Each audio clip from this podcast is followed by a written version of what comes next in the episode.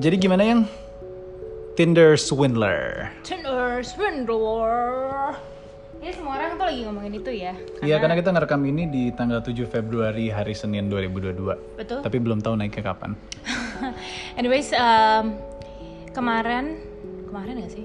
Weekend kemarin gue habis nonton Tinder Swindler sama si Angge, si tukang numpang, tukang numpang di rumah gue. Kayak kok marah Jangan ya kalau ngomongin Angge tuh langsung marah gitu. Oke, anyways. Yang itu produs mantan produser gue di Night Shift. Jadi produser produs, produser lo siapa? Nggak ada sekarang. Tadinya? Sekarang siarannya solo. Tadinya Anggi. Tadinya? Udah. Jadi Hafid. Anggi mantannya Hafid. Tuh. Wow. Mantan Jangan menyebar gosip. Iya. Oke, anyways, um, kita habis nonton Tinder Swindler. Hmm. Intinya ya, pasti lo juga udah pada tahu ya, itu adalah penipu berkedok. Um, Nggak aku belum tahu. Jelasin sinopsisnya. enggak, maksudnya yang dengerin. Intinya ada Iya sih dari judulnya kalau mereka nggak klik pasti tahu. Iya pasti tahu gitu. Intinya ada penipu ulung lah dia si Simon Leviev bikin identity seakan-akan dia adalah Prince of Diamond Israeli Prince Diamond. Terus ketemu di Tinder, terus somehow somehow you end up transferring money atau giving him your credit card lah untuk dia pakai dan akhirnya end up lu yang ngutang untuk membiayai lifestyle-nya dia. Intinya Lu gitu tuh cewek-ceweknya yang ngutang. cewek-ceweknya jadi ini Oke. Mhm. based on true story Um, ini adalah dokumenter kasus ini menyeruak menyeruak kasus ini heboh di tahun 2019 artikelnya muncul kemudian akhirnya dijadikan film oleh Netflix yang tayang di tahun 2022 so Oke. it takes Netflix two years to produce Nice doku series ya. Sebelum Yes. ke Tinder Swindler doku film 2022 kita udah nonton film apa aja by the way? Archive 81 salah satunya. Hmm. Terus sekarang lagi nonton All of Us Are Dead. Gue, Twin Days udah kelar. Terus kamu udah nonton Akhirat A Love Story. Hmm. Kemarin nonton Home Team bagus, filmnya Kevin James. Terus nonton Triple Frontier, filmnya Ben Affleck.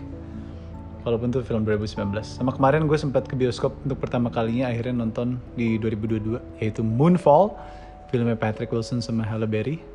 Karya Roland Emmerich yang bikin Armageddon sama 2012. Apalagi yang yang udah kita tonton? Masa sih? Udah. Udah semua ya? Oke. Tinder Swindler, how's it?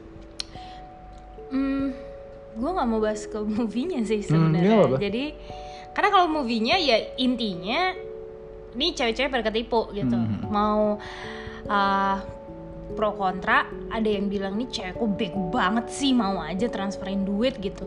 Tapi ya itu pasangan lo ibaratnya gitu kan itu pasangan lo gue cinta ya gue transfer gitu Ya.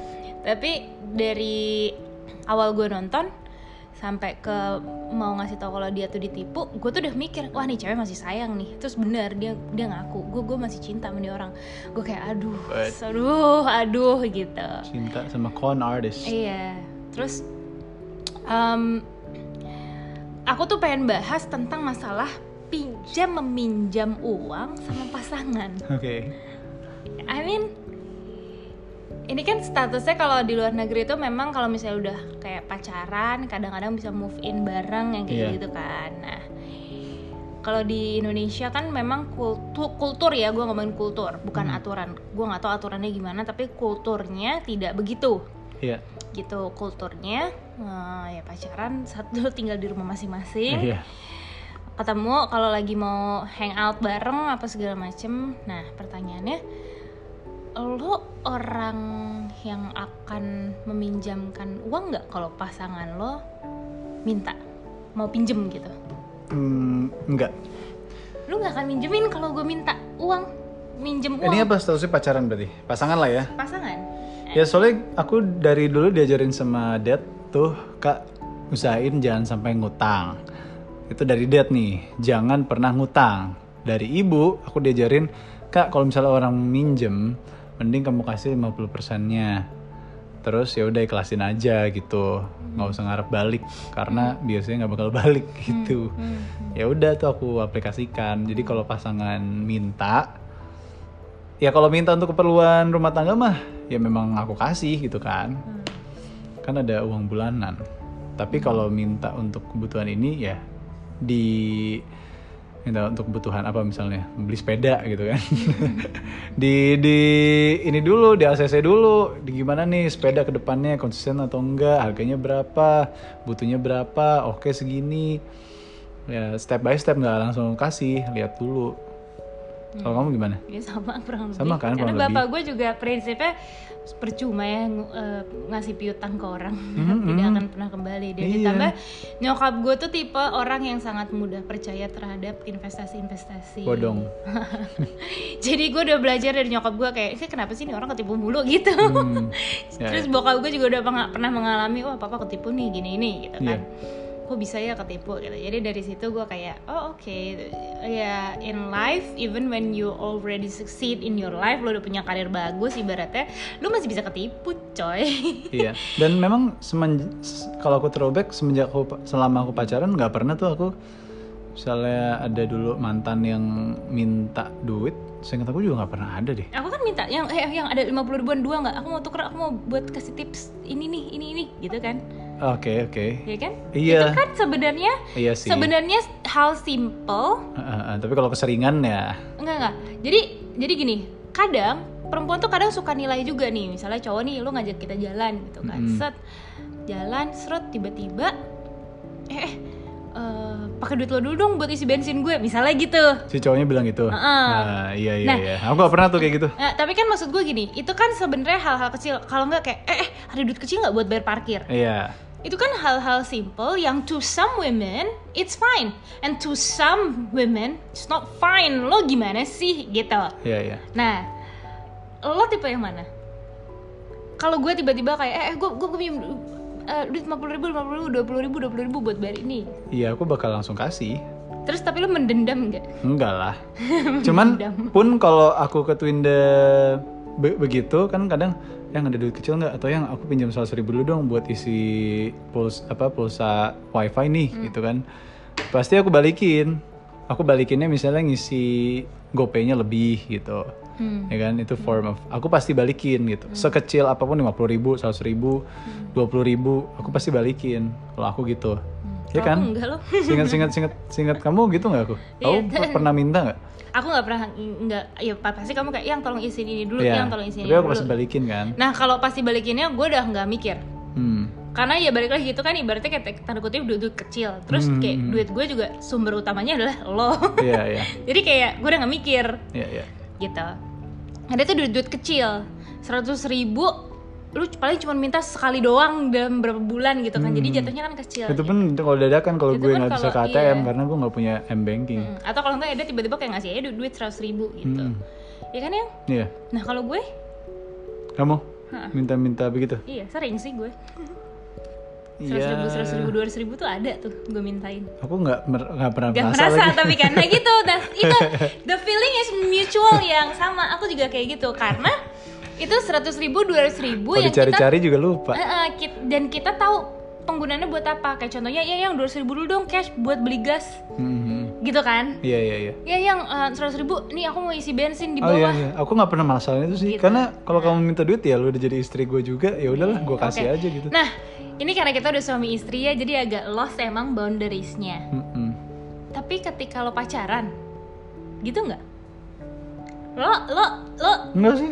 Lo fine nggak kalau Aku- cewek lo minta duit gitu yang yang yang seratus ribu dong buat ini Ya tergantung karena nggak pernah ada misalnya cewek yang minta eh pinjam 5 juta dong buat beli tas. Nah kayak gitu kan nggak nggak pernah tuh kayak gitu nggak ya. nggak pernah tapi mak kalau cewek tuh biasanya bukan pinjem jatuhnya kayak bayarin dong nih gue belanja gitu misalnya ya Mhm. konsepnya tuh Nggak pernah lagi. nggak pernah ada cewek kayak gitu Iya. oh bagus Bagus ya, nggak pernah yang matre aku. Bagus. Karena aku pasti ilfil juga sih kalau udah kayak gitu kayaknya. oh berarti lo ilfeel kalau Ya gitu ilfil lah kalau misalnya eh beli minta baju dong, eh minta baju, minta minta duit buat buat shopping nih gitu. Lah, siapa gue? kadang kadang tuh subtle gitu ngomongnya kayak contohnya eh yang eh, ini dong eh, iya nih bagus ya celananya iya Kode- eh, kode gitu ya. iya heeh, nih ngomongnya terus gitu kan lo kan lo lo, lo, beliin gitu kan iya gak sih Hmm, iya gak sih Enggak, suka gitu gak enggak sih sih untungnya. Aduh, Untungnya so far in Damn. your memory cewek-cewek lu nggak ada yang cewek-cewek lu ada yang udah banyak kayak anjing. gitu loh. Ya tapi ada sih bener dulu teman kampusku yang kayak gitu. Hmm. Anak biasanya kan udah papi-papi kan manggilnya masih pacaran. Oke. Bibi lucu banget nih ya, ya. Bahkan bahkan ada yang kalau ulang tahun tuh udah udah, udah malak duluan. Hmm. Minggu depan aku ulang tahun nih, mau beliin ini dong, gitu, gitu, gitu, dong, gitu kan. Hmm. Nah, aku nggak pernah kayak gitu sih. Ah, oke. Untungnya. Kamu juga nggak pernah waktu itu. Unt- Untungnya memori lo tidak ingat ya gue Kamu kan gitu. nggak suka shopping. udah ke Grand Indonesia Shopping Town mau shopping nggak ketemu tuh barang. Padahal udah shopping town. Iya lagi. Pusing gue. Iya pusing gue juga. Sampai gue yang Marah ya. Marah. Udah nih kamu beliin aja deh. Sumpah Udah kamu beliin aja deh. Masa nggak nemu? marah banget. Udah keliling. Dipaksa belanja. Sedih banget gue. Beli nggak? Iya. Lo gak Ada. mau duit, duit gue lo suruh belanja. Oke.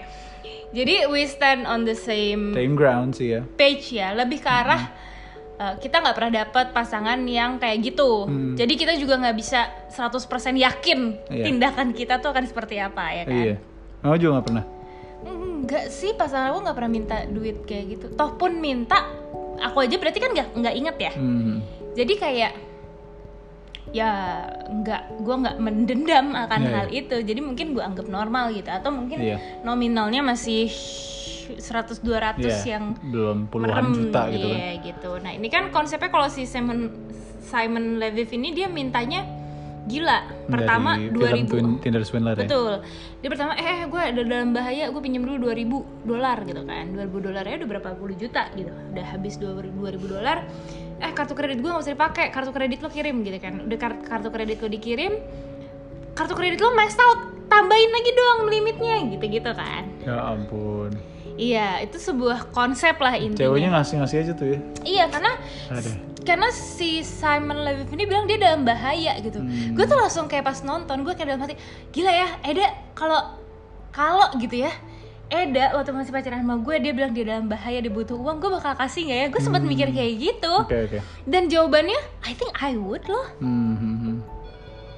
wow Oke. ada yang nelfon si nelfon gue oke anyways um, aku jadi kayak apakah that, if, that does that mean I'm that tanda kutip stupid Hmm. untuk ngasih gitu um, or I'm just um, head over heels over him apa gimana nih gitu kan Iya, iya. jadi aku kayak dari situ aku kayak oh ya oke um, make sense psychologically make sense gitu ya ini cewek udah bertekuk lutut sama nih cowok ya mau aja pasti ngasih segitu Iya. Oh, jadi dia survive si Simon dari semua cewek-cewek yang ngasih kartu kredit ke si Simon. iya Ya jadi ampun. satu cewek bayarin untuk dia kencan sama cewek yang lain kayak Ya gitu. Drama kumbara ya but anyways um, gue menemukan uh, sebuah artikel di sini tulisannya adalah 10 financial warning signs to watch out when in a relationship Hmm. yang pertama Set ada 10 ya. Oke. satu refuse to split money on outings Oke. eh gue angkat dulu apa teleponnya Boleh. Ini aku baca deh. hmm. Refuse to split money on outings. If even after the first or five dates. Jadi kalau misalnya setelah pertama, kedua, ketiga, keempat, kelima kencan lo, oh minta tolong dititip dia tuh nggak serius sama relationship lo, atau expect lo untuk nge-support lo secara financial. Nah, itu kayaknya enggak dulu deh gitu. Ya nggak sih? apa refuse to split bill Iya. lo waktu pertama kali ketemu sama gue lo nggak mau split bill man Iya kan aku yang bayarin aja. Iya, lu mau bayar semua. Gue kayak, hah, gue tidak bisa diremehkan seperti ini. Ya, ma- ya bener kan refuse kan? Iya. Intinya dia nggak mau ikutan bayar lah. Kalau apa pun tuh dia bener-bener keep his money to himself atau keep her money to herself. Jadi ya nggak chip in sama lo. Padahal tuh juga buat kebutuhan foya-foya lu juga, foya-foya dia juga. Oh maksudnya pak gebetan kita nggak bayar nih? Mm-mm. Oh ini ini yang warning ya, financially warning ya. Iya. Hati-hati sama orang kayak begini gitu ya. Iya. Oke. Terus Iya terus? gitu. Lo gitu nggak? Ya aku justru yang bayarin kamu. Iya, tapi kan gue nggak freeloader juga. Iya. Gue jadi ada momennya di mana, jadi gue tuh dulu punya prinsip kalau diajak cowok jalan, terus nih cowok tuh kayaknya mau ngedeketin, gue split bill. Hmm. Atau gue bayarin dia sekalian biar dia malu lo gitu maksud gue gini um, just because you take me out doesn't mean I wanna go out with you Hmm. karena kadang tuh cowok kan ada kan yang maksa sampai udah jemput di depan rumah kan kayak nggak mungkin gitu kan Iya. lo membuat drama dengan tetangga tetangga lo gitu kan ketahuan banget jadi gue cabut sama lo gitu tapi ya doesn't mean you can buy me ibaratnya Mhm. gitu jadi gue tuh nggak mau yang kayak pas udah kayak gue nggak cocok nih sama dia gitu Hmm. terus gue yang nih cowok kayak gila gue udah ngasih ini ngasih itu ngasih hey hey tunggu dulu sayang Oke. gitu Itu yang pertama Itu warning sign-nya ya. Orang warning yang sign. mesti lo jauhin lah ibaratnya ya iya dalam hubungan. intinya setelah lo go out ini kalau ini dia nggak specifically saying first date ya dia specifically dia saying kalau intinya lo udah pergi beberapa kali dan nggak ada tanda-tanda dia mau bayarin gitu. Hmm. karena menurut gue first date cowok yang bayar boleh cewek yang bayar boleh split bill juga boleh Iya. first date ya karena kan kayak ya baru pertama kali ketemu men Iya. belum tentu itu semua akan berlanjut Oke. next, Next. lies about money Ya ampun. intinya Baru ketemu udah bohong.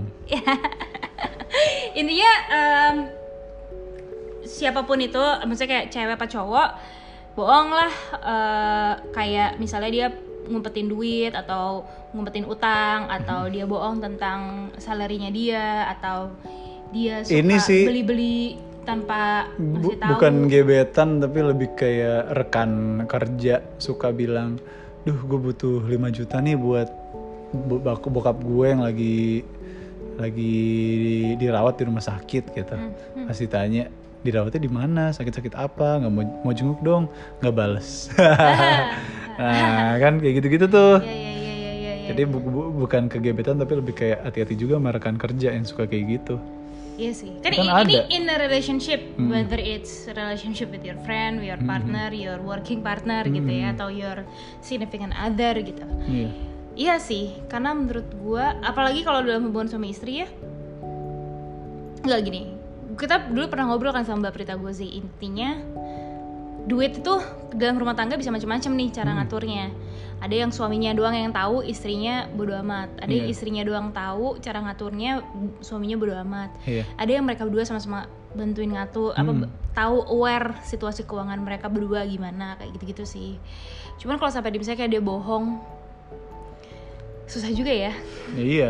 susah juga ya karena aku pernah punya teman terus teman aku tuh pernah ngomong gini em, teman aku nih cowok gitu Hmm. intinya dia kayak ngomong em, bini gue lah nggak perlu tahu intinya Oh. gue gajinya Dapat berapa, berapa. Heeh. Eh, karena itu urusan gue Ya, bilang ya. gitu Ya, kalau bininya mau oke dari sebelum nikah ngomongnya begitu, perjanjiannya ya ya udah. nah itu maksud gue gitu jadi akhirnya Ya, Menurut can jumlah salary can jadinya Ya tergantung- Iya. sebenarnya dia nggak lie about the money juga sih, tapi he can tutup-tutupin the money iya sih si cowoknya. Oke, next. Refuse to talk about finance. Ini mungkin lebih ke teman gue ya. Dia refuse to talk about finance. Tapi jadinya gini, istrinya tuh nggak tahu kalau suaminya waktu itu lagi susah, Hmm. gitu loh. Ya, Jadi ya, dia ya. lies about his salary. Hmm. Waktu itu misalnya kayak gue belum masuk nih duit, bini gue nggak perlu tahu. Hmm. Itu kan sebenarnya lying about his salary dong, Oke. gitu. Jadi gue kayak dari situ, oh ternyata cowok tuh ada gitunya ya Right. ada, itu kan Ada- sebenarnya jatuhnya pride and Iya. egonya gitu kan tapi on the other side of the coin dia pengen ngelindungin supaya istrinya nggak usah Nggak pusing usah khawatir. urusin rumah atau urusin kegiatan dia aja juga usah khawatir gue akan coba cari alternatif untuk Hmm. bisa menyelesaikan masalah keuangan ini gitu Iya, iya. gitu jadi gue melihatnya dari dua sisi koin itu ada bagus dan buruknya Mm-mm. Oke, next adalah tadi refuse to talk about finance. Yep. Hmm,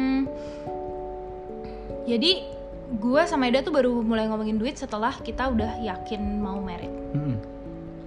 Gue nggak tahu sih itu salah apa enggak, tapi yang jelas itu yang terjadi. Iya. Ya, tapi kan sebelum merit kita udah omongin. Sebelum merit, betul. Tapi gue jadi mikir gitu ya, ketika lo udah, oke nih kita mau merit ya, oke. Eh, duit lo berapa sih?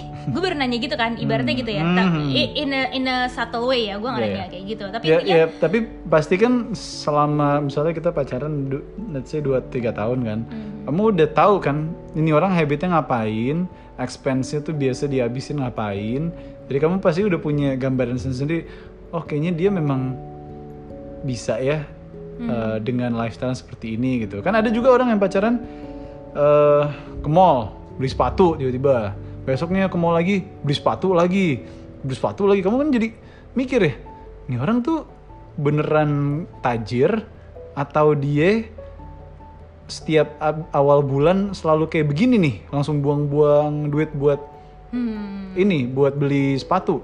Atau misalkan ada juga tipe orang yang eh, uh gadgetnya baru mulu nih tapi ternyata nyicil. Nah gitu kan. Nah kamu bisa menilai kan dari situ wah kayaknya dia kayak ini harga barangnya segini kayaknya dia dapatnya segini kayak ada gitu gak sih kamu Oh, pasti gue dari awal kayak udah ngejudge Iya, bukan liat- ngejudge, tapi nge-value lu, eh, nge-value. apa sih? menilai ini menilai lo ya ya, eh, eh, menilai naker naker Mm-mm. naker apa sih bahasa gue Iya. naker lo gini kayak lo kayaknya expense lo segini begini ya sih tapi kan kadang terkadang lifestyle yang ditujukan itu tidak sesuai dengan jumlah isi betul rekening Babs. itu betul apalagi zaman sekarang ya Iya. gitu kan ada ada yang namanya pay later ada yang Hmm. namanya kartu kredit Bener. ada yang namanya uh, cicilan Bener. soft ya aka minjem duit ke sana kemari gitu Bener. kan even yang korbannya Simon Leviev ini aja nggak tahu karena dia dijemput pakai private jet Hmm. he's the Prince Diamond ya he act like Prince of Diamond gitu jadi kan nggak ketahuan gitu Hmm. lifestyle-nya selama ini kita pikir oh kayaknya emang dia tajir mampus Iya, iya, nih gitu jadi kadang tuh suka nggak